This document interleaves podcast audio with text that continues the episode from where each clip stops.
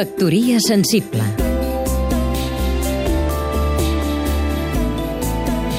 Reflexions amb Julià de Joder i Miquel de Palol. Per cert, Julià, ja ho has celebrat que el passat dia 26 va fer 74 anys que en Franco va alliberar Barcelona? No despertis la fera. Abans ens ocupaven i ara ens asfixien. La fera està desperta, però com que va drogada... Vols dir que no hi ha un missatge subliminal en tot plegat? Van inventar-se una celebració i els que han vingut després no han ni canviat de data. En democràcia es van passar al febrer. Tu i jo en som testimonis, mal m'està el dir-ho. Ep, d'això del febrer no en deien els carnavals? Tot i que ben pensat ja és això, ja. Hi va haver un moment que la gent d'ordre anaven a centenars al sopar dels Premis Ciutat de Barcelona per celebrar la seva victòria. I en Xènius arribava des de Madrid a fer del jurat. Què dius ara?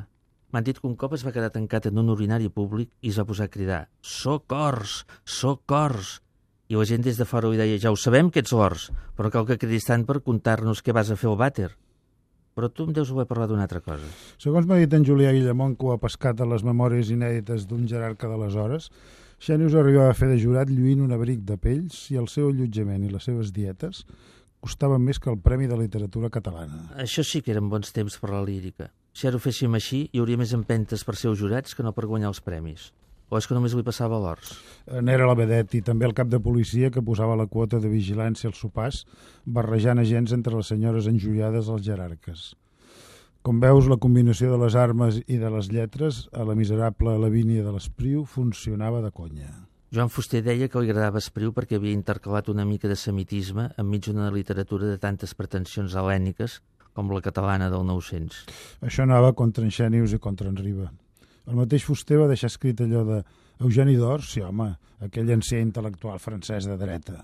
Les deixava anar sense manies, Ors. Com quan deia que només val l'home que porta un argument a la mà per fer-lo entrar en qualsevol cap.